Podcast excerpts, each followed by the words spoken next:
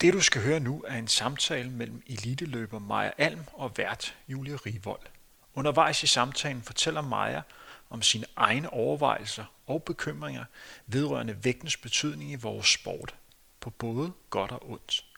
Maja fortæller blandt andet, at hun selv bruger vægtoptimering som middel til at forbedre sin præstation.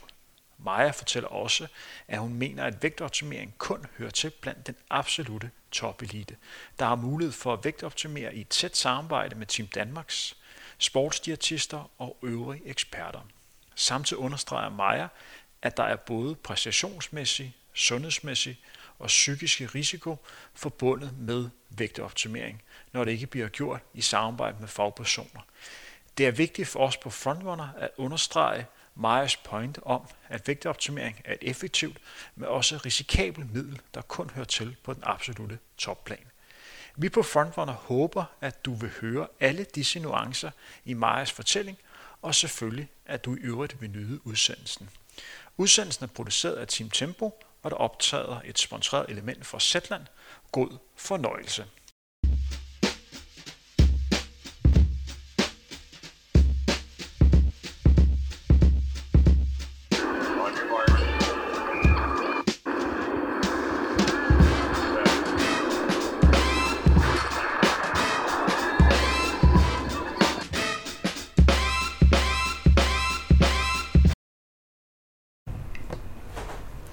Goddag og velkommen til endnu et afsnit af Frontrunner.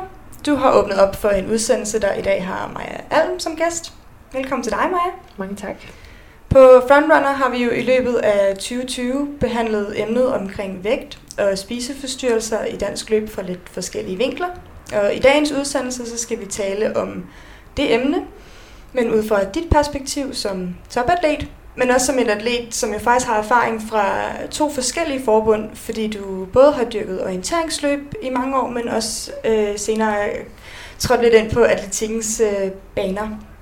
Men inden vi går helt til emnet, så tænker jeg, at vi lige skal starte med at introducere dig ordentligt. Øhm, vil du ikke starte med at fortælle lidt om din baggrund som løber? Den er lang, jeg ved det godt. Ja. om du kan komme, komme det øh, kort hen over det. Jo, altså, jeg er jo oprindelig orienteringsløber, og begge mine forældre løber orienteringsløb, så det er den vej igennem, jeg har startet. Men har altid løbet en del, og dyrket også lidt atletik, øh, da jeg var yngre. Det der med både at skulle løbe en løbedisciplin og noget, øh, noget spring og noget kast. Øh, men altså, det er jo klart, at langdistanceløb jeg var bedst til. Men jeg synes bare, det var kedeligt, så, så jeg trænede ikke særlig meget. Øh, det kom først, da jeg blev 18 år. Øh, begyndte at træne mere med at tage orienteringsløb. Øh, ja, ellers så løber jeg på mit talent. Mm. Og øh, du har egentlig en ret, ret hederlig øh, baggrund som, som orienteringsløber. Du er syv gange verdensmester. Du har 16 VM-medaljer i alt. Øhm, på et tidspunkt så begynder du så at komme, komme lidt ind i vores atletikverden her. Hvordan, hvordan kan det være? Jeg har altid haft en drøm om at komme med til, til OL, øhm, og så har jeg så altid lidt haft en drøm om at finde ud af, hvor hurtigt jeg egentlig var, hvis det var, jeg sådan prioriterede det. Fordi problemet er, at, at vi har jo en masse stævner i løbet af året som orienteringsløbere og et VM, og der er bare ikke, ofte er der ikke rigtig plads til, at man kan tillade sig at gå ind på banen og løbe piksko, fordi at jeg ofte vil blive skadet af det, eller så skal jeg have en lang periode, hvor jeg træner op til det. Så jeg har ikke rigtig kunnet prioritere at løbe en ordentlig 5.000 meter. Øhm, så jeg synes, at det var et rigtig fedt mål at have, det her med at prøve noget helt nyt, øh, og et helt nyt miljø. Så øh, ja, det har været rigtig, rigtig spændende. Hvornår begyndte du at løbe atletikløb? Og, og, øh, Altså, jeg har løb crossløb allerede, da jeg flyttede til Aarhus, tror jeg det var, at jeg startede med det. Det var tilbage i 2010. Mm. Øhm, og har selvfølgelig løbet nogle gadeløb, da jeg var yngre. Og så, ja, blev det lidt... Så har vi løbet nogle banetest som orienteringsløbere, men, men ikke sådan med det helt store setup. Så øhm, det var egentlig først sådan rigtigt for et par år siden, at jeg sådan løb min første internationale atletikkonkurrence. Kan jeg lukke dig til at tage mikrofonen en lille smule ud til siden? Jeg siger lige præcis, fordi man kan høre sådan ånden i den Nå. retter. ja, det var ikke. ja. Øhm, og det her med at skifte lidt over til atletikken og, og besøge os på, på atletikbanerne, det er jo også gået meget godt. Bare lige sådan for øh, at, at rise lidt op, så har du løbet 15.35 på 5.000 meter. Og i efteråret, der debuterede du lige på halvmarathon, også meget altid løber, øh, og blev dansk mester i 1.11.54. Stærkt. Øh, imponerende. Øhm, vi, vi er kommet ind i den her øh, coronaperiode her nu, og der, der er sket en masse ting. Du, du havde nogle planer om at, at komme til OL i Tokyo, som skulle have været afviklet her i juli måned, øh, men jo så er blevet, blevet udskudt. Hvordan, hvornår begynder det sådan at gå op for dig, at det godt kan være, at OL i Tokyo ikke bliver i 2020? Øhm, altså da det hele det begynder at lukke ned, så kan jeg godt se, at øh, det ikke ser så godt ud. Jeg tror, jeg troede lang tid, at det ville blive afholdt faktisk. Øhm, og så var det egentlig... Ja, først sådan, jeg tror det var ugen før, eller sådan noget, det reelt set blev aflyst, at jeg godt kunne se, at nej, nu er det slut. Og hvordan, har, hvordan var den periode for dig, da du ligesom godt kan fornemme, at okay, det kan godt være, at det her ikke bliver, bliver, øh, bliver afviklet i 2020, men man ikke rigtig vidste det? Altså jeg synes næsten det aller værste var, inden det blev aflyst. Øh, man gik der fra starten af marts øh, og en måned frem, eller sådan noget, og, og vidste ikke, om man var købt eller solgt, og hvis det var, at jeg skulle, skulle i konkurrence, eller hvis jeg skulle prøve at kvalificere mig til OL, så skulle jeg i konkurrence to måneder efter, og skulle ligesom begynde sådan på den helt hårde træning, og, øh, og så ligge godt i vægt, og ind på banen, og, altså sådan, så, og, øh, man vidste ikke noget, altså det synes jeg virkelig var frustrerende. Øh, og hele tiden det at skulle vurdere, er det realistisk eller er det ikke realistisk, altså det tog virkelig hårdt på en motivation. Så jeg synes næsten, det var endnu rart, da man så fandt ud af, at nu er det aflyst, og nu kan vi rykke over til en vintertræning og træne basis, og det er ligegyldigt, hvad jeg vejer, og det er ligegyldigt, hvad tid jeg løber, bare jeg har det sjovt med det at løbe. Øh, og det havde jeg. Mm. Øh, ja, så jeg synes næsten, det var, det var federe, da, det, da man vidste, hvad tænker du, du så finder ud af, jamen der går faktisk mere end et år, før jeg kan komme til OL? Øhm, hvad, Altså, det var rigtig uoverskueligt, men jeg synes også, med den situation, man var i, og del, delvis også stadigvæk er i, at det har jo konsekvenser for så mange mennesker, så jeg synes også, at, at man er også meget egoistisk, hvis man ikke sådan kan se ud over det. Øh, men jeg synes, det er hårdt, at, og man, jeg er jo vant til at have en masse konkurrencer i løbet af foråret, og nærmest ikke være hjemme eneste weekend, og nu er man bare hjemme hele tiden.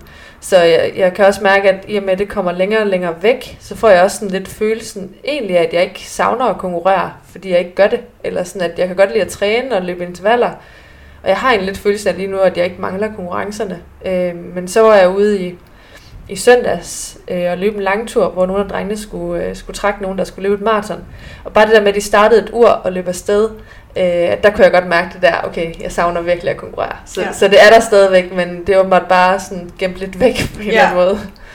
Ja, fordi jeg tænker, for dig og måske for mange andre, særligt senioratleter den her periode, er måske første gang i halvdelen af dit liv, altså siden du var teenager, at der er enten er, er mere end, end, end et par måneder til, du skal konkurrere, og i så fald også så lang tid, at der egentlig ikke er en, en konkurrence lige tæt på. Hvordan, hvordan er det? Altså, det er jo første gang i, i et halvt liv nærmest, at man måske står sådan lidt og har mulighed for at leve lidt mindre presset.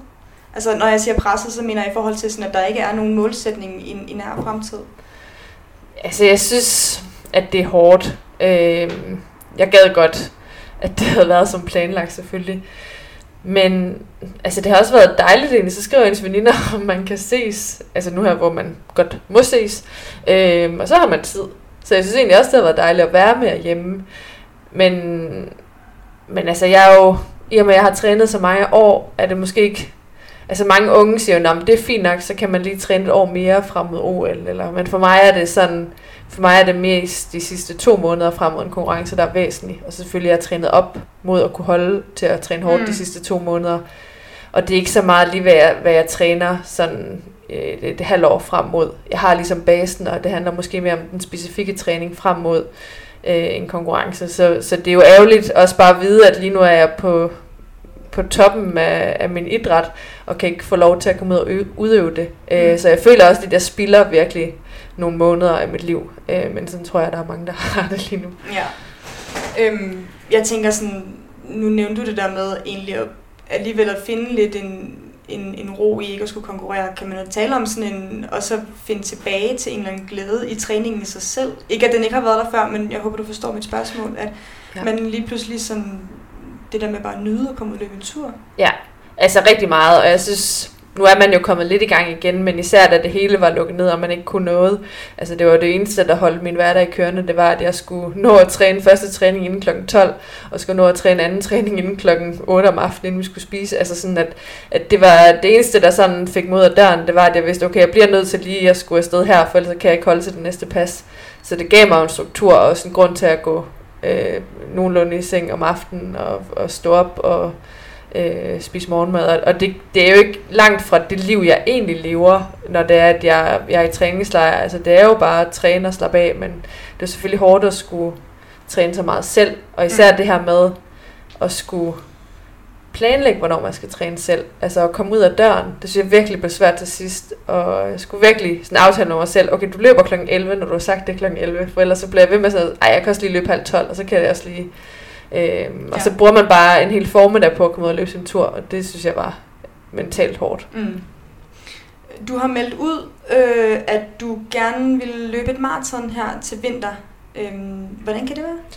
Altså, jeg havde egentlig også lidt planlagt at prøve at løbe maraton sidste år, men blev skadet efter jeg løb øh, Copenhagen Half. Øhm, og troede egentlig, jeg var rimelig hurtig over det, men kom så sådan klassisk til at øge for hurtigt, og røg så helt tilbage igen, og så nåede jeg ikke at blive klar. Jeg var egentlig tilmeldt til Valencia i december sidste år. Øhm, så der blev det ikke til, og så synes jeg, at, at jeg ville ikke til at skulle prøve at løbe maraton i OL-året. Øh, det synes jeg var for risky i forhold til den pause, man skal have efter et maraton. Så nu synes jeg, at nu hvor der er god tid, var det bare nærliggende og også meget motiverende at prøve at have nogle af de lidt længere træninger. Øh, have mere fokus på kilometer og få lavet den her grundbase øh, til et maraton. Så jeg synes, det har været rigtig fedt ligesom at prøve at skifte fokus og så øh, ja, have den vinkling på i stedet for. Hvordan har du det med at skulle prøve at, at løbe maraton? Fordi det er jo sådan lidt øh, en savnomspunden distance, kan man nærmest kalde det. Altså en ting er, at det er en en, en historisk distance, men det er også bare sådan helt plain en mega lang distance. Altså sådan, hvad, hvad, hvad, hvad har du gjort om tanker omkring at skulle løbe maraton? Altså jeg har det sådan, at enten så tror jeg, jeg elsker det, eller så tror jeg virkelig, jeg kan lide det. Altså sådan, at jeg tror, det bliver meget, øh, jeg havde kærlighed forhold til maraton. Øhm, men jeg synes, nu har jeg jo kun løbet sådan det ene halvmaraton, og jeg synes, det var virkelig fedt, at, at det bliver længere, og at der kommer en noget større mental del indover. Fordi at man, man er alene med sig selv i så mange kilometer, og det allerede begynder at blive hårdt efter de første par kilometer, eller i hvert fald du godt kan mærke, at du holder et, et pænt tempo, og bare bliver ved med at, at tro på det, og tage det kilometer for kilometer, i stedet for at tænke, åh, jeg skal løbe 15 kilometer mere, så kan man ikke op i hovedet. Så jeg synes, at det var fedt, og der synes jeg også, at jeg kan bruge meget mere af min sådan, øh, styrke og mentalitet fra orienteringsløb. Øh, men jeg kan så godt mærke på især min læge, som kommer fra at løbe i det her bløde terræn, at jeg har virkelig, virkelig svært ved at holde til at løbe på asfalt. Og det bliver nok min største udfordring. Og især her i coronatiden har jeg kunne mærke, at vi kan komme i styrketræning. Øh, for jeg har ligesom fundet tre lægeøvelser, jeg bare skal lave min styrketræning to gange om ugen, så holder jeg mig fint kørende.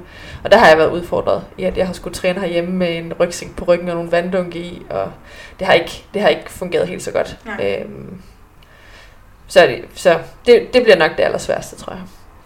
Hvad hedder det? Øhm, så du kommer, hvor, hvornår er det, du skal løbe maraton? Eller planlagt? Jeg håber, jeg kan komme ind i Valencia i december, men der er rigtig, rigtig mange, der gerne vil ind der. Jeg tror, alle dem, der havde håbet at sætte kravtid til OL øh, i løbet af det her forår, de prøver at komme ind i december for ligesom at have noget hurtigst muligt at skulle løbe. Og det er det første maraton, hvor at, øh, de åbner op for kravtiderne igen. Lige nu er det jo ikke muligt at sætte krav til OL. Så jeg tror, det bliver svært for mig at komme ind i, at jeg ikke har nogen tid. Mm. Øh, men nu må vi se. Hvis jeg kommer ind, så kunne det være rigtig fedt, ellers så må vi finde en plan B. Nu kan det godt være, at jeg stiller lidt, lidt ondt spørgsmål lidt langt frem i, frem i, i fremtiden, men øhm, hvordan ser planen ud i forhold til OL næste år? Så altså, er det stadig 5.000 meter, eller er det maratonet, der, der, der trækker? Altså, planen er lige nu, at det stadigvæk skal være 5.000 meter. Jeg synes, med den 3.000 meter jeg løb indendørs i år, og de point, jeg fik, så det rigtig fint ud. Og den altså vi fandt faktisk ud af, at jeg løb nogle 300 meter, der faktisk var ret hurtige, og at jeg faktisk har fart, men det bare handler om øh, lige sådan at, at stimulere den der fart. Ja. Øhm, så jeg synes egentlig, at, at det, det så rigtig godt ud, og jeg har jo skiftet, øh, skiftet træner og fået Kersti Jacobsen som træner, øhm, og hun har lidt nogle andre øh, vinkler på, øh, hvordan jeg bliver hurtig, og har jo meget erfaring fra Anna Emilie, og også mm. bare fra selv at have løbet tidligere. Så jeg, jeg synes, at det var rigtig sjovt at prøve noget nyt. Så øhm, planen er, at det skal være på 5.000 meter, men det er klart, at, at hvis jeg løber en god tid på maraton, hvis jeg slår kravtiden på maraton, så, så er det jo nok maraton. Ja. Så også lidt en, en åbning af muligheder måske. Ja, og ja. Det, det tror jeg også lidt, jeg har brug for. At jeg synes sidste år, der gik det ikke rigtig min vej. Øh, jeg fik ikke rigtig nogle gode stævner. Øh, rendte ind i en masse dårligt vejr også på mange af dem. Øh, og det er jo det, jeg har fundet ud af. Det er det jo, sådan er det jo i atletik. Ja. Man kan jo bare ikke øh, forudse, hvornår øh, man lige gerne vil løbe godt. Ja. Øh, og så med det her i år, der tror jeg bare lige, at jeg har brug for, at der skal være lidt et andet fokus. Mm. Jeg går lidt videre, øhm, fordi som vi tidligere har berørt i Frontrunner, så er løb en idrætsgren, hvor vi jo bare har en stor forekomst af spiseforstyrrelser og af løbere, som ikke får nok at spise og rammer det her relativ energimangel i sportssyndrom. Er det noget, som du har set noget af, eller lagt noget mærke til i, i de mange år, som, som du har været løber? Ja, altså det, det er jo en stor del af løb. Altså løb er jo vægtbærende, og det er jo klart, at det har noget at sige, hvad du vejer. Øhm, så, altså det har jeg da set både i, i orienteringsløb og i atletik. Øh, og jeg tror da også stadigvæk, det er rigtig meget i, i begge sportsgrene. Øh, Øhm, nu, nu kommer du fra de her to forskellige sportsgrene, hvilket er lidt, øhm, lidt unikt, øh, at du har erfaring for to, selvom det er to sportsgrene, som har en del til fælles, men, men alligevel to forskellige idrætsgrene. Øhm, er der forskel på, hvordan vi sådan forholder os til det her med, at vægten har en betydning, når vi kommer i orienteringssporten versus i atletikkens verden? Ja, det synes jeg. Øhm, jeg har svært ved sådan helt lige at finde ud af, hvad det egentlig er. Men jeg tror, at i orienteringsløb, der havde vi øh, ret store problemer med det på landsholdet. Øh, sådan i perioden før jeg kom på altså sådan i 90'erne. Øh, og det har ødelagt rigtig mange. Så jeg tror, at, at der har været en rigtig stor opmærksomhed på ikke at ville ende der igen. Og altså fra forbundets side? Ja, fra ja. forbundets side, ja. Og så er vi jo et forbund, der er placeret rigtig højt øh, i forhold til vores størrelse, fordi vi har nogle gode resultater, så vi har også adgang til diætister øh, som landshold, og har rigtig mange foredrag med diætister. Og så har vi også mulighed for, øh, hvis på enkelt basis, os der er placeret højt og har taget VM-medaljer, kan få øh, en individuel sparring, og dem, der har problemer i de underliggende grupper, kan også få en, få en sparring af Team Danmarks statister. Så det gør jo, det er jo, det er jo nemmere for trænerne også at bringe den op, fordi de ikke selv skal gå videre med den. Altså sådan, hvis, de, hvis de kan se et problem, så kan de øh, snakke med atleten om det, og så få dem henvist over til en diætist, og så bliver det ikke så mystisk. Jeg tror, det er rigtig svært, hvis man sidder som klubtræner øh, i for eksempel et atletik, en atletikklub, og selv at skulle være den, der skal ind og tage samtale med atleten. Øh, for ofte så er det jo et, et rigtig stort mentalt problem også. Øh, og hvis man ikke har den faglige viden og den baggrund, der skal til for at tage sådan en samtale, så tror jeg bare, at man kan gå meget, altså man kan nærmest ødelægge mere, end man kan gøre godt. Mm. Øh, så jeg kan godt forstå, at, at det er mega svært. Og så er det jo også svært, fordi at det at være tynd og se atletisk ud, er jo også, øh, altså hvis man virkelig rammer øh, det rette niveau, så, så ser det jo også øh, fedt ud, og det er jo også tit dem, der præsterer godt, det er dem, der ligger øh, rigtigt i vægt. Men det er jo så også bare rigtig, en rigtig, rigtig farlig balancegang, fordi at, at du også bare hurtigt destruerer kroppen, hvis du ryger over grænsen. Ja, og at folk måske også ser forskellige ud det rigtige sted i deres vægt, fordi nogen kan holde til en meget lav vægt, og nogen kan ikke holde til det, tænker jeg. Ja, ja, det, ja og der er jo også forskellige øh, måder, man kan være bygget på. Og så tror jeg også, det er meget forskelligt, at nogen kan måske holde til det i mange år, hvor konsekvenserne først kommer noget senere, hvor andre de vil øh, se konsekvenserne med det samme. Mm. Så jeg, jeg, det er bare rigtig, rigtig svært. Og det er især svært også det her med, at, at man, hvis man taber sig i vægt, så ser man jo typisk en forbedring på den korte bane. Og, og det er jo ikke Altså, det er jo ikke løgn, at det gør man jo. Nej. Øh, så det er også et faktum, man skal forholde sig til. Men jeg tror bare især, hvis man er ung, så tror jeg bare, at der er så mange andre parametre, som der er meget vigtige, at man får styr på, inden man begynder at justere på det her med vægt. Og der synes jeg måske, at vi som at Orienteringsforbundet i hvert fald er ret bevidste om først at justere på alle de andre ting, før de justerer på vægt. Øh, hvor i atletik bliver det måske lidt mere på egen hånd, når man kigger mere på de gode, og der er jo rigtig, rigtig mange meget, meget tynde i verdenseliten også. Øh, og hvis man kigger på dem, så, så skal man jo være mega tynd. Men jeg tror bare, at, at der begynder du at bevæge dig på en øh, meget, meget øh, fin balance, som, som hurtigt kommer til at lægge til den dårlige side, især med ja, det der begreb med relativ energimangel, mm. hvor det kan være svært at sådan rigtig opdage, øh, mm. især hvis man er mand og ikke har menstruationen at bruge. Vigtig pointe, ja. som vi også tidligere har, har berørt lidt i en tidligere udsendelse med diætist Inger Bols, som man også kan finde ind på Frontrunner, nemlig det her med, at menstruationen måske næsten er sådan en, en fordel, fordi det er nemmere at identificere øh, et, en energimangel. Øhm, du nævner det her med, at du tæ- synes, at, at det måske nogle gange bliver et mere individuelt projekt, vægten for folk i atletikken. Kan du, kan du uddybe det? Ja, altså, jeg tror, altså hvis man skal sammenligne med, med det, jeg kender som jo orienteringsløb, så er det jo nok, at, at vi er et mindre forbund, og dermed dem, der er på, på landsholdet, at, at man kender hinanden rigtig godt, og de fleste har en personlig opfølgning.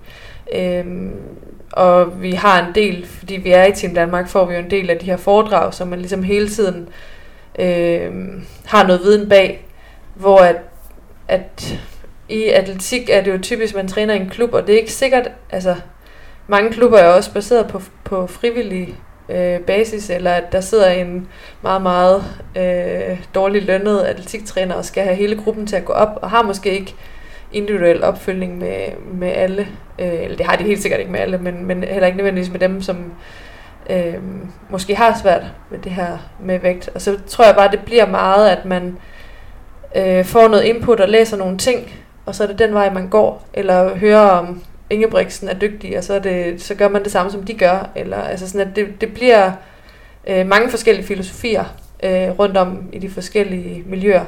Øhm, og det er jo klart, og det er jo også godt, at det er sådan, men jeg, jeg tror også bare, at, at det er jo, det er i hvert fald, altså vægt er jo bare så svært at, sådan at være selvkritisk på, mm. at, at det eneste, jeg kan se nærmest, hvad det er, jeg vejer, jeg kan ikke se det, når jeg kigger i spejlet, men jeg kan se det, når jeg kigger på billeder, Øh, at det er jo sådan ret vildt, hvorfor, hvorfor kan man ikke forholde sig til det, men, men ja, det kan man åbenbart bare, ikke.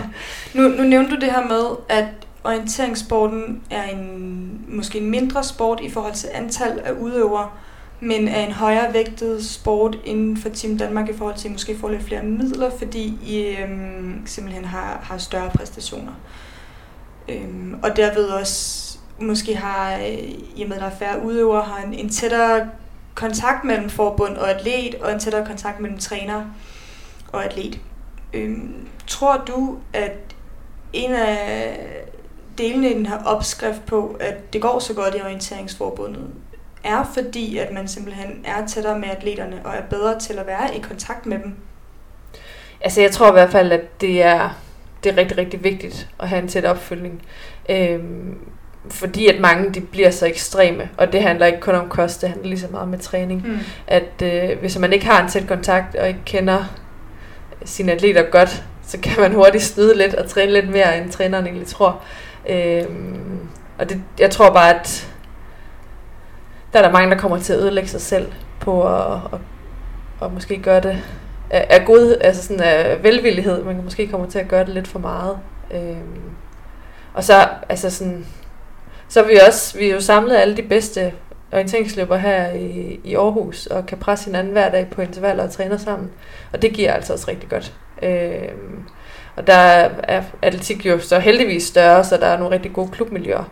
Øh, men igen, så er der måske ikke de samme midler ude i klubberne. Øh, så det bliver jo sådan en lidt sværere balancegang i hvert fald. Hvilke tanker har du gjort dig omkring, at øhm, altså, du er jo bare den bedste. En af de allerbedste, der er og har været i løb. Øhm, både i orienteringssporten og i atletikken.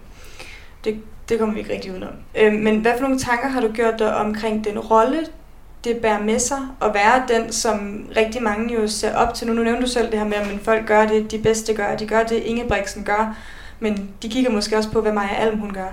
Mm. Hvad, hvad for nogle tanker har du gjort dig om at være i den rolle? Altså, særligt i relation til den her problematik. Ja, altså jeg synes virkelig, det er svært, fordi at altså for mig er det meget, øh, jeg bruger meget vægt som et redskab også på en eller anden måde, at jeg, altså jeg vil virkelig ikke øh, ødelægge mig selv, og kan også godt lide at, netop at leve det her liv, hvor der også er plads til at spise øh, is hver dag, hvis jeg har lyst til det, eller spise slik eller kage, hvis jeg har lyst til det. Øh, og jeg synes også, de perioder, hvor jeg har været i, i vægttab frem mod en konkurrence, at der gør rigtig meget socialt af det her, med ikke at kunne være med til en fødselsdag og spise kage, og man sidder der med sin tykke tanter eller øh, bedsteforældre og, og siger nej tak til et stykke kage. Og de kan jo godt se, at det er klart mig, der er den mm. tynde i det selskab. Altså sådan, at, at der skal man virkelig have nogen, der forstår en, for at, øh, at det går op. Øh, jeg kan også huske, at jeg har været til en, en venindes fødselsdag, hvor at, at jeg skulle ikke have noget kage, fordi det var lige op mod et mesterskab. Øh, og der var en af hendes veninder, der nærmest sådan sagde højt, ej, hvorfor skal du ikke have kage? Men det har været den måde, jeg har gjort det på. Mm. At jeg har blevet fuldstændig frit indtil to måneder før en konkurrence, og så er jeg i, i uh, samarbejde med en diætist, øh, er jeg gået ned i vægt. Og, og der har jeg bare blevet nødt til at holde mig helt for sødsager, fordi det, det er det, jeg ikke kan kontrollere. Mm. Så det bliver meget sådan alt eller intet. Og, og altså der kan jeg godt nogle gange have, når jeg så ligger øh, en vinter og måske vejer øh, måske endda også til den gode side af, at man løber er, så kan jeg nogle gange godt tænke, ej, det er også lidt pinligt, at jeg kommer her og er sådan lidt halvtyk til træning. Øh, og jeg ved godt, det er nok kun mig selv, der tænker det, men jeg tænker nogle gange, ej, hvor må de bare tænke, jeg er useriøs. Mm. Og jeg mm. tror selvfølgelig, det er godt også at vise, at den side har jeg også. Øh, men så kan jeg, øh, altså når jeg sådan tænker over det nu her, kan jeg da godt være rigtig, rigtig bange for det signal, jeg så sender øh, når jeg har tabt mig op mod en konkurrence, at der er, jeg går typisk 5 kilo ned i vægt, og der er jo virkelig, virkelig tynd. Og jeg tænker nogle gange, hvis folk ikke ser mig om vinteren, og kun ser mig alm til øh, konkurrence, at så tror jeg godt, de kan blive snydt af, at sådan, også sådan der skal man se ud hele tiden. Fordi det er jo virkelig ikke sådan, jeg gør. Og, og jeg har ikke noget, altså sådan, jeg ved godt, hvad jeg gør, og, og, og det er jo i jeg er i samarbejde med en, en diætist, øh, men jeg synes, altså det synes jeg virkelig er svært, og jeg vil ønske, at jeg kunne fortælle det til alle hver en og sige, prøv at høre, sådan her ser jeg ikke ud. Øh, 10, 10 ud af 12 måneder, mm. der var jeg meget mere end det her. Men det, men det er så vigtigt et redskab for mig. Ja, fordi de billeder, man ser altså, i medierne oftest, det er jo konkurrencebilleder af jer som atleter, når I er ude i landsholdstøjet. Det er jo netop der, hvor du ligger rigtig lavt. Altså, det er jo faktisk en rigtig vigtig pointe, tænker jeg, det der med, at de resterende måske 8 måneder om året, der, der ser du faktisk anderledes ud. Ja, ja. meget. Altså sådan, og, og altså, det, der kan jeg godt blive lidt bange nogle gange. Også især hvis man hører folks reaktion. Sådan når man, nej, hvor har, hvor har du tabt dig? Og sådan, hvor jeg, altså sådan, det er jo egentlig noget, jeg er stolt af, jeg har mm. gjort, for jeg har jo arbejdet hårdt mm. for at nå den vægt. Mm. Øh, men jeg synes, det er svært, fordi det er ikke noget, altså sådan, det er virkelig svært at i talesæt, synes jeg. Øh, for jeg synes, jeg har et, altså et så godt forhold, som man nu kan have til det. Ja. Øh, Hvad betyder det for dig, at du samarbejder med en diætist omkring din vægtoptimering? Altså det betyder rigtig meget. Især at jeg ved, at jeg ikke går for langt. Øh, og jeg kan huske til, øh, jeg tror faktisk sidst jeg havde, det var med i forbindelse med VM i orienteringsløb i 2018, sommeren der, at, at der sagde hun også, at okay, nu skal du heller ikke gå længere ned. Altså sådan, nu, nu, nu er det her. Mm. Øh, men hun siger jo så også, at det er flot, det jeg har, altså, jeg har jo gjort det lige efter bogen. Og så er de jo også meget tydelige på, at, at jeg så skal gå op i vægt igen bagefter, og vil gerne have et, øh, et tjek nogle, nogle øh, uger efter VM, for ligesom at se, at, at jeg ikke bliver ved med at ligge så lavt, fordi der, der, øh, der skader man kroppen. Og jeg kan også se i forhold til sådan noget som menstruation, at det forsvinder lige så snart jeg begynder på det vægttab. Ja. Og så kommer det igen, forhåbentlig. Ja. Så kommer det igen, når ja. det er, der tager på. Når du siger, at de laver et tjek, er det sådan et sundhedstjek, eller er det en, en, øh, en samtale, du kommer ind til, eller hvordan er det? Det er, hvor jeg bliver vejet, og også nogle gange måler de hudfolder, alt efter lige hvordan, men jeg har jo en del målinger, så ja.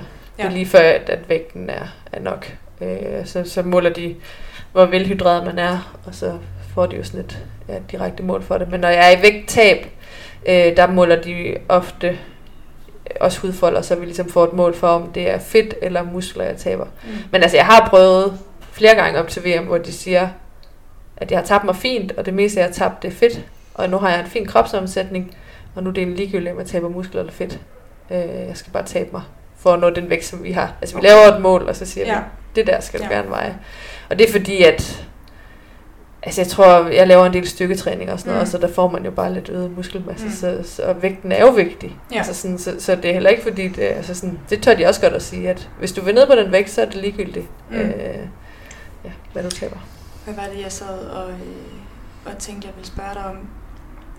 Øhm, nu glippede den lige. Vi er alle sammen, øh, alle sammen mennesker. Ved du vi går bare videre, fordi så kan, jeg, øh, så kan jeg altid gå tilbage til det, hvis jeg føler for det. Øh, eller kommer i tanke om det. Øhm, føler du sådan, i forhold til den her rolle med at være top, topatlet, nu, nu bruger jeg altså det ord, øhm, det håber jeg er okay. Ja. øh, altså sådan, at du ligesom er blevet klædt på til at varetage den i forhold til også at være forbillede, altså klædt på af et forbund og af Team Danmark til sådan, men altså, nu har du nået det her niveau, og øh, nu skal du være opmærksom på, at folk kigger på dig sådan her. Altså, hvad, er det noget, du sådan er blevet undervist i, eller hvordan? Nej, ikke sådan. Altså, jeg tror, vi har fået lidt at vide i forhold til sociale medier faktisk, at der påvirker vi også en del. Øh, men ellers så er det jo meget, hvad man sådan føler for. Mm. Øh, og altså sådan noget som vægt er jo ikke noget, man sådan taler så meget om generelt. At det er jo virkelig svært også, når jeg sidder og siger, at jeg taber 5 kilo ind mod en konkurrence. Hvis man bare hører det ud af kontekst, det kan jo virkelig hurtigt mm. misforstås. Ja. Så øhm, nej, jeg, jeg synes egentlig ikke, det er noget, vi sådan... Altså den, den del, det bliver meget på individuel plan, at, at jeg ligesom har forstået, hvad der sker, og dem omkring mig øh, ved, hvad der sker. Men ellers så, nej, desværre ikke nu kom jeg frem til, hvad det var, jeg ville øhm, det her med, fordi nu snakker vi om, at der faktisk heldigvis er en, en ret stor sådan... Øhm, øh, både med diætister og omkring dig i, i forhold til hele de her vægtoptimeringsforløb, hvor du både får at vide, hvis du har øh, tabt dig for meget, og nu, nu, er det, nu er det nok, eller, og du også kommer til en opfølgende sundhedstjek efter en konkurrence på, at du skal tage på igen, og så videre. Øhm, hvis nu vi forestillede os, at du fik at vide af en træner, eller at du selv besluttede dig for, at nu skulle du tabe dig op til en konkurrence, uden at der var nogen yderligere folk omkring det, altså fagfolk omkring det. Var der nogle ting, der havde set anderledes ud for dig? Altså, så er jeg i hvert fald nok lidt mere bange for, at man havde gået, altså, gået for langt. Fordi at altså man, man kan ikke selv se, hvor tynd man bliver. Jeg kan se det på billeder efter, okay, jeg var virkelig tynd. Øh, men man, når man er i det, så synes man stadigvæk, at jamen, der er der også lidt fedt her, der er der også lidt fedt her. Så altså, jeg kan sagtens forstå sådan folk, der kommer til at, at ligge for lavt i vægt og tabe sig for meget. At, altså, jeg synes virkelig, det er svært. Øh, og altså, Altså man får, kan man nærmest få sådan en lidt, det der hedder en forstyrret kropsopfattelse, altså sådan af, hvordan man egentlig ser ud, mens ja. man er i det. Ja. ja, altså jeg synes også, nu var jeg sådan, altså ja, ikke, ikke helt i vægt, men sådan nogenlunde i vægt, da jeg løb øh, det jeg også her i slutningen af februar, og så ligesom i takt med, at det corona kom, og det hele faldt lidt på jorden, der har det også bare sådan, altså vi har virkelig hygget os herhjemme og har øh, spist is og drukket rødvin, og øh, altså jeg vejer jo min vintervægt nu, og synes jo virkelig, at jeg sådan er stor. Altså sådan, jeg synes virkelig, det, det er forfærdeligt at være i, og sådan, men på den anden side ved jeg også, at det er jo det, min krop den har brug for, og hvis jeg gerne vil blive ved med at løbe resten af mit liv, eller blive ved med at, at dyrke elitedræt i mange år endnu, at så bliver jeg også nødt til at passe på den. Mm. Så jeg har ligesom også det der sådan fornuftige i det. Øh, men jeg synes, det er svært. Men der er egentlig lidt altså sådan en, en kamp, for jeg synes, jeg synes faktisk, det er rigtig fint, at du siger det der med, at du godt kan altså, føle dig stor, fordi det tror jeg, der er rigtig mange, der kan ikke genkende til, uanset hvordan de ser ud. Øhm, men at, at det måske er okay at have de tanker, men så at man kan, man kan se dem og ligesom vide, at de er der, og observere dem, og så huske på, at det er ikke sådan, altså, at man skal, som du siger, skal ligge der for at kunne være en god atlet, også være i gåseøjne stor, det er det jo ikke, men altså mm. være, være i, den, i den sunde vægt, at ja. man ligesom kan se, at man, man har de her lidt, lidt tanker om, at man føler, måske føler sig stor, men at det faktisk er der, man skal være. Altså holde fast i sig selv på en eller anden måde, ikke? Jo, altså sådan tror jeg rigtig meget, det er. Mm. Øhm, og jeg synes, det er svært, fordi jeg jo godt ved, når jeg taber mig, hvad jeg skal, altså, hvor meget jeg skal spise. Og så synes jeg også, det er svært det her med at lægge det fra mig. Altså sådan, jeg har svært ved ikke at gå, ikke fordi jeg går og tæller kalorier overhovedet, men jeg ved godt, hvad der er, hvis jeg spiser øh, nogle havregryn om morgenen, eller hvis jeg spiser en bolle på et tidspunkt. Jeg ved godt, hvad, hvor meget der cirka er i det. Jeg ved godt, hvad der cirka er i min aftensmad, hvis jeg spiser en is. Og jeg har virkelig svært ved ikke hele tiden at komme til sådan at tænke, nu fik jeg lige øh, ja, så så mange kalorier mm. oveni, eller sådan. Og, og det ville jeg da ønske, sådan havde jeg det ikke, før jeg begyndte at regulere på det her med vægten. Øh, og det er da mega hårdt at være i. Altså sådan, det kommer jeg jo nok til at gøre resten af mit liv. Og det er jo en konsekvens af at have brugt vægten så aktivt. Ja. Øh, og så har tabt sig så meget, så hurtigt som det. Altså nogle gange har jeg jo tabt jeg kan 5 kilo på lidt over en måned, eller halvanden måned. Altså sådan, at det er jo virkelig stor vægttab.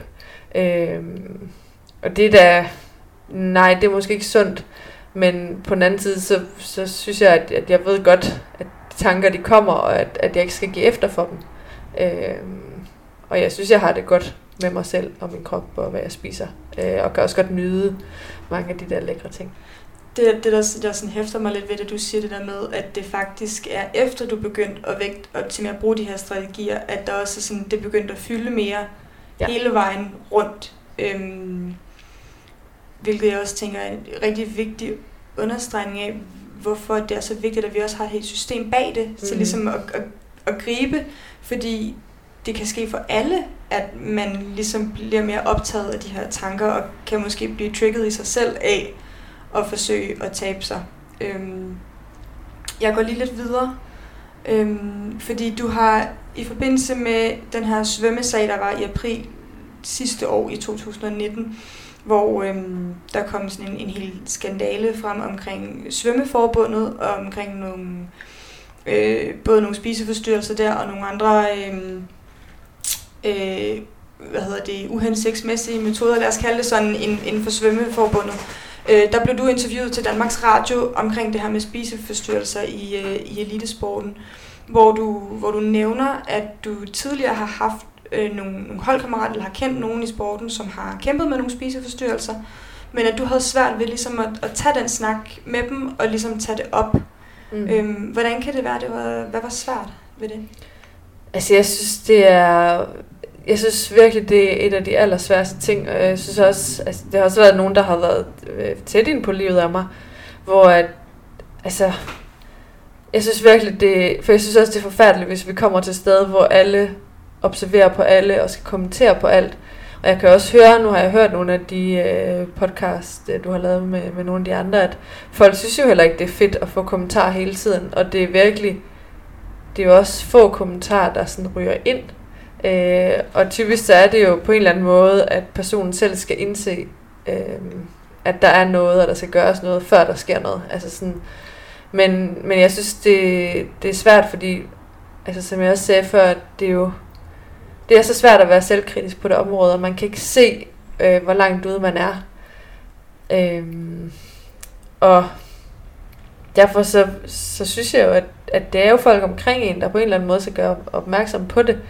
Øhm, men jeg, jeg har virkelig ikke fundet den gode måde at gøre det på, og er også rimelig konfliktsky, mm. så jeg har heller ikke lyst til sådan at være den, der sådan skal pege fingre af andre, og især ikke, når jeg er den, der er tynd i konkurrencer, så synes jeg også bare, jeg kan jo heller ikke bare gå hen til folk og sige, det er du også, eller mm. du er for meget tynd, eller sådan, mm. og det er måske heller ikke mig, der skal vurdere det. Øh, så jeg synes, jeg synes virkelig, det er svært at være i sådan et miljø, hvor man godt kan se ting, øh, og også især så er der nogen, der lige pludselig taber så meget, og så siger man, uha, men det her gør jeg jo også selv, men jeg gør det jo bare bevidst, og jeg ved godt, at jeg gør det.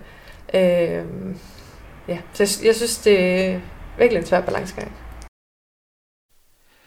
Vi er stolte af at kunne byde velkommen til Zetland som en ny partner på Frontrunner. Zetland er på mange måder en oplagt partner for Frontrunner. Det er et politisk nyhedsmedie, som tager øh, politik seriøst. De vil ikke nødvendigvis være først med nyhed, men de vil gerne være grundige og relevante i deres dækning. Altså ligesom vi gør her på Frontrunner. Som lytter på Frontrunner kan du blive abonnement på Zetland til en tredjedel af prisen. Find link på vores Facebook-side. Når du køber et abonnement, støtter du samtidig Frontrunner økonomisk. Håber I vil tage godt imod Zetland. Jeg hører lidt, at det måske også sådan det der med at, øhm, at skulle agere og handle på, når man er bekymret for nogen, at, man, at du også lidt har været sådan bekymret for at gøre mere skade end gavn. Meget. Ja, rigtig meget. Og også, at øhm, når man selv er, er god og er tynd, og man er også på en eller anden måde konkurrenter, synes jeg også, det er sådan lidt mærkeligt at skulle være den, der sådan øh, siger noget, selvom jeg har da nogle gange sådan jeg talte med nogen, at Nå, men det kan da også godt være, at det var mig, det skulle komme fra, for det, altså sådan, at det også godt kan være fint, at det er en af dem, man ser op til, der siger noget. Men altså, jeg, jeg synes godt nok, det er svært, og jeg, jeg har ikke haft lyst til at tage den konfrontation. Ja. Øh, og jeg synes det er svært, hvad man skal gøre, hvis man sådan kan se nogle ting. Skal man så snakke med en træner om det at gå den vej? Fordi det har jeg nogle gange, hvis der var en træner, jeg har været tæt på, og vi alligevel er kommet til at diskutere nogle ting, så har vi godt kunne, kunne snakke om, øh, og så er der også nogle gange blevet handlet, og det synes jeg jo også er godt. Men jeg synes også, det er forfærdeligt, hvis man er i et miljø, hvor at alle begynder at pege fingre og, og gå bagom og sige, øh, ja, nu den her, nu mm. den her. Så jeg, jeg synes virkelig, virkelig, det er svært. Øh, også fordi det er ja, et svært emne at snakke om. Ja. Og jeg tror ikke, du er den eneste, der synes, at det, jeg ved, du ikke er den eneste, der synes, det er svært at adressere, når man er bekymret for nogen. Øhm, du nævner også til den her DR-artikel, at du den der i dag gerne vil have talt mere åbent omkring øhm, det her med, at der var nogen, der havde en kamp med nogle spiseforstyrrelser. Øhm, hvad ville du have gjort anderledes i dag, eller sådan kan du uddybe det her med, at vi gerne ville have været mere åben omkring det? Altså, jeg, jeg synes i hvert fald, at det her med vægt, at problemerne forsvinder ikke ved, at man bare tiger stille. Og det tror jeg bare er et rigtig vigtigt pointe, at, at bare fordi man lader en komme til træning, eller øh, ja, træne i, i miljøet, og der ikke er nogen, der ligesom gør noget, at det, så bliver det jo heller ikke bedre, kan man sige. Og så er det måske, så er der nogle af de, de unge, eller dem, der er usikre på sig selv, der kigger på, på den tynde person og tænker, nå, men sådan skal jeg også se ud.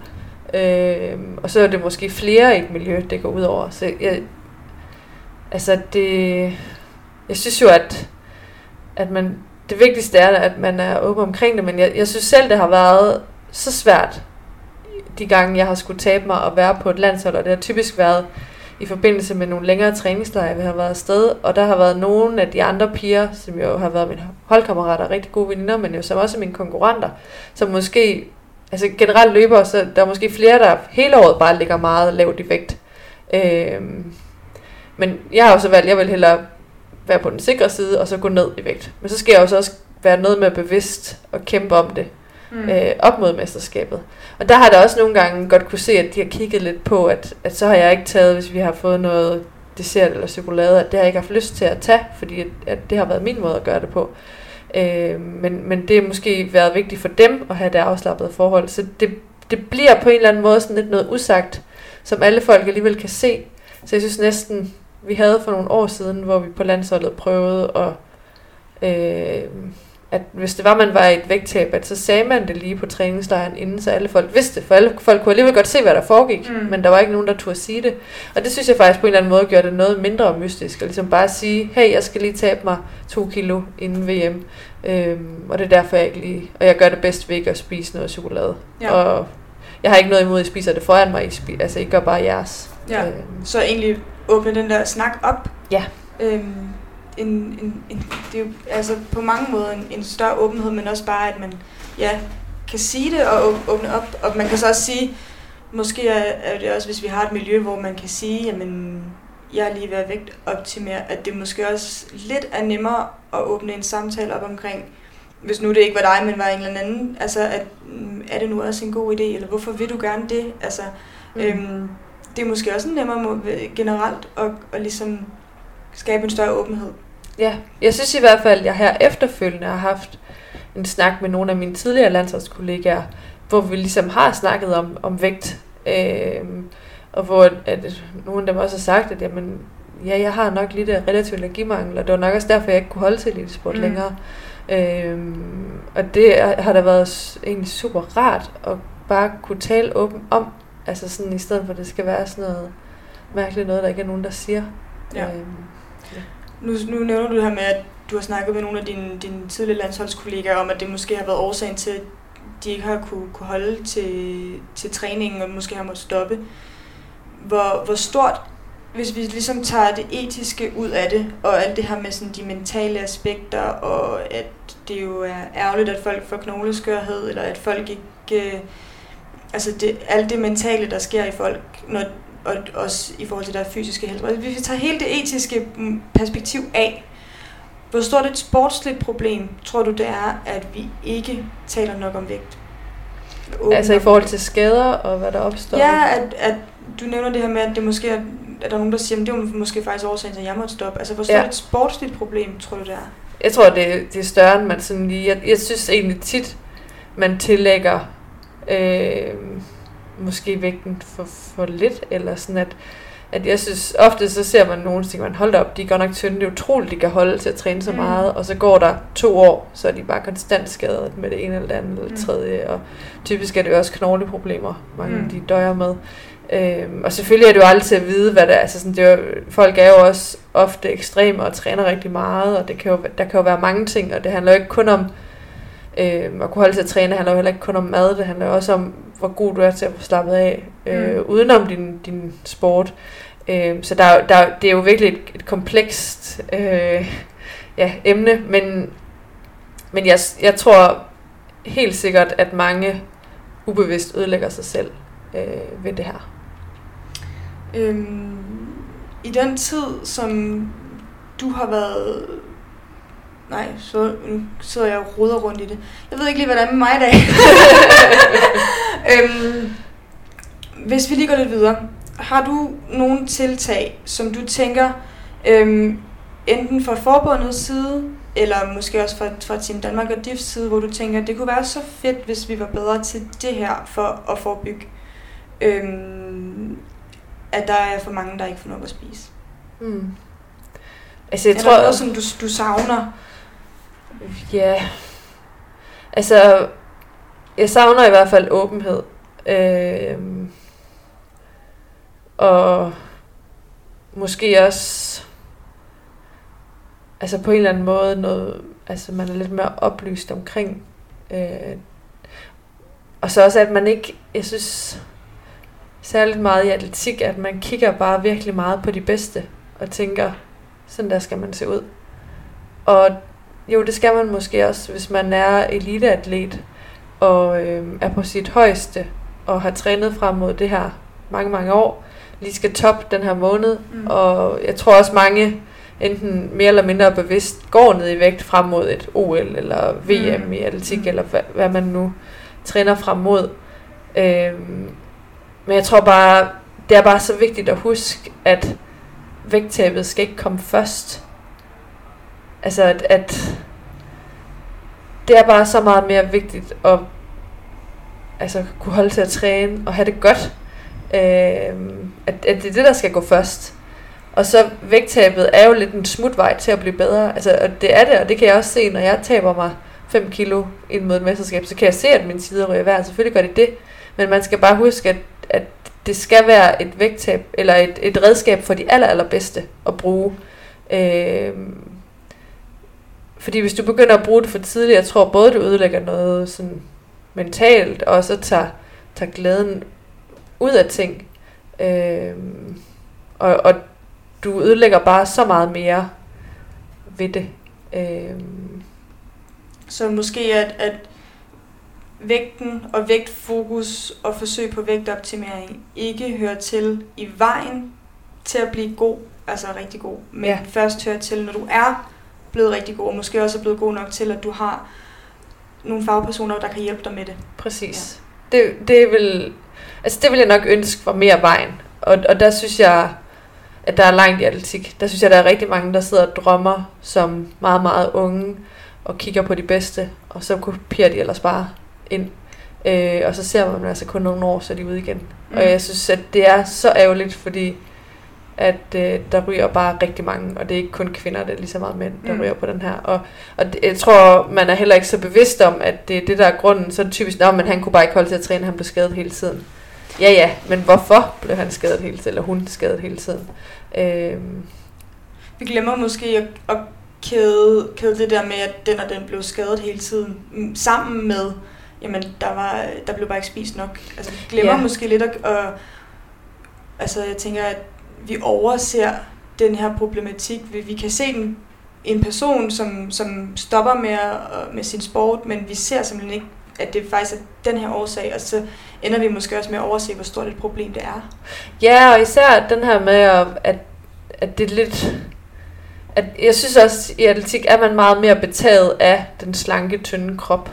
Øh, og det er både øh, ude i klubberne, at man godt kan se dem, der er slanke og tynde, at det er dem, der løber hurtigst.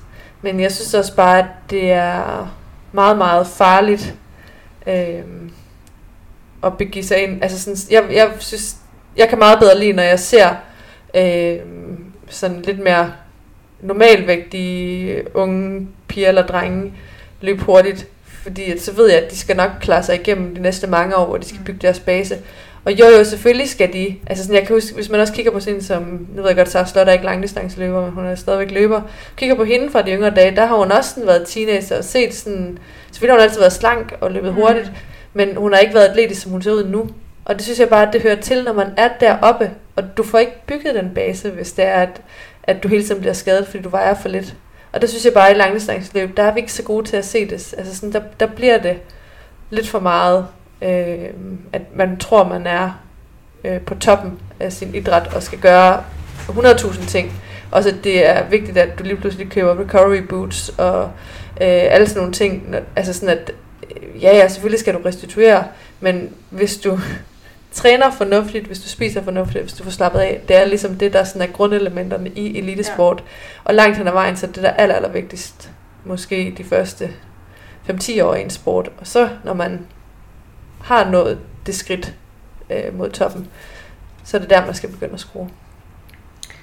Jeg tænker, at øh, der er ikke så lang tid til, at vi slutter af. Øh, men jeg kunne godt tænke mig at høre dig, om du har sådan nogle, nogle ting, du gerne vil sige til, til andre løbere, som også er ambitiøse, og øh, noget som sådan et godt råd, du ønsker, at folk tager med sig videre? Ja, altså jeg, jeg synes i hvert fald, for mig har det bare været vigtigt at huske glæden i det hele, og at man altså er et menneske bag øh, den her atlet, at det er vigtigt, at man, man gør de ting, man er motiveret for, øh, har nogle gode personer omkring en, der kan hjælpe en, også med, ja, med i, i alting, så det ikke bliver, et lille, et lille sport bliver lynhurtigt meget, meget ekstremt på, på alle parametre. Og det er jo også det, der er charme ved det. Men mm. jeg tror bare, det er vigtigt, eller for mig har det i hvert fald været rigtig vigtigt, også lidt mere at polarisere det, og så sige, okay, når det er i en mega vigtig sæson, så går jeg 110% ind, og jeg gør alle de ting, der er vigtigt for, at jeg kan præstere godt til en eller anden given dato, hvor der er et vigtigt stævne for mig. Men så om vinteren er det også bare vigtigt at huske alle de andre elementer, for jeg tror ikke, der er nogen... Du kan sagtens leve mega elite-orienteret i øh, nogle år, men så brænder du også ud mm. øh, alt for tidligt, og det synes jeg bare er synd, Altså sådan, jeg, jeg synes ikke, jeg har lidt noget afsavn i min vej til toppen. Øh, jeg har også gået mega meget til fester øh, i vinterperioderne, og har drukket mig fuld og skal op og løbe cross dagen efter, og det har ikke været sjovt. altså sådan, at jeg tror bare, og det er ikke fordi, man skal drikke sig fuld for at have nej, det godt, nej. men, men det er alle på, altså sådan, hvis men du er... Men en symbolik ja. i at, og, øh, tage sig, øh, og nyde livet, og tage sig den frihed og nyde livet i vejen op mod øh, ja, toppen. Præcis, og så har jeg altid holdt min, min træning sådan nogenlunde ved lige, for det vidste jeg godt, det var vigtigt at have noget kontinuert der. Men om du, du lige går lidt til fest en gang imellem, og, og altså sådan, det gør ikke noget, og om du vejer lidt mere i nogle perioder, fordi du lige øh, tillader dig lidt mere til familiefester, mm. eller hygge med vennerne, eller altså, mm. at det gør heller ikke noget. Mm. Det gør der bare, så øh, det er jo lidt som at styrketræne med, eller løbe med en, en rygsæk, og så når mm. du smider den, så er du endnu Altså sådan at, mm. jeg tror bare også at huske, at der er, der er også et menneske bag eliteatleten. Ja. Øhm, og det er ikke nødvendigvis useriøst. Og så husk den, det gør i hvert fald, for mig har det i hvert fald gjort, at jeg har været meget mere kold og kynisk op mod konkurrencerne. Fordi ja. at, at jeg ikke har følt, at jeg har lidt afsavn, hvis man ser sådan året som helhed. Ja. Øhm, så det vil jeg håbe, at folk de, de husker. At ja. de, jeg tror, de bedste er meget bedre til at balancere det der, end, end vi egentlig tror. Det synes jeg også, jeg kan se på mange af de, altså nu kender jeg sådan som Thijs rimelig godt, og jeg ved også, han er også god til også at huske Altså, han træner altså meget selvfølgelig godt det, men, men han kan også sagtens øh, øh, prioritere at hygge sig og ja. gøre sådan nogle ting, når, når det er vigtigt. Noget af det, som jeg hæftede mig ved, Henrik har jo lavet en udsendelse med, med Thijs øh, for nogle måneder siden omkring hans, hans det her 2-10 løb på, på maraton, hvor Thijs han siger, han har sådan en regel om, at øh, ugen efter et maraton, der skal man drikke øh, flere genstande, end man løber kilometer. Og jeg synes, jeg synes faktisk, det, det er rigtig vigtigt, at altså jeg synes, det er rart, at jer, der er på det niveau, hvor der er rigtig mange, der kigger og ser op til jer, at I kommer med de pointer, netop fordi, som du siger, der er rigtig mange, der har en tendens til måske kun at se de billeder, der bliver taget i den periode, hvor man har vægtoptimeret, og øhm, måske bare høre, når man Maja, Val, er Maja Alm, hun vægtoptimerer, så det gør jeg også. Altså, I mm. ligesom også kommer med de historier om, at det faktisk også er mega vigtigt, når man er, er god. Altså, en del af det at være god måske, at man faktisk også er den atlet, som, som ved, at det er vigtigt, at man slapper af en gang imellem.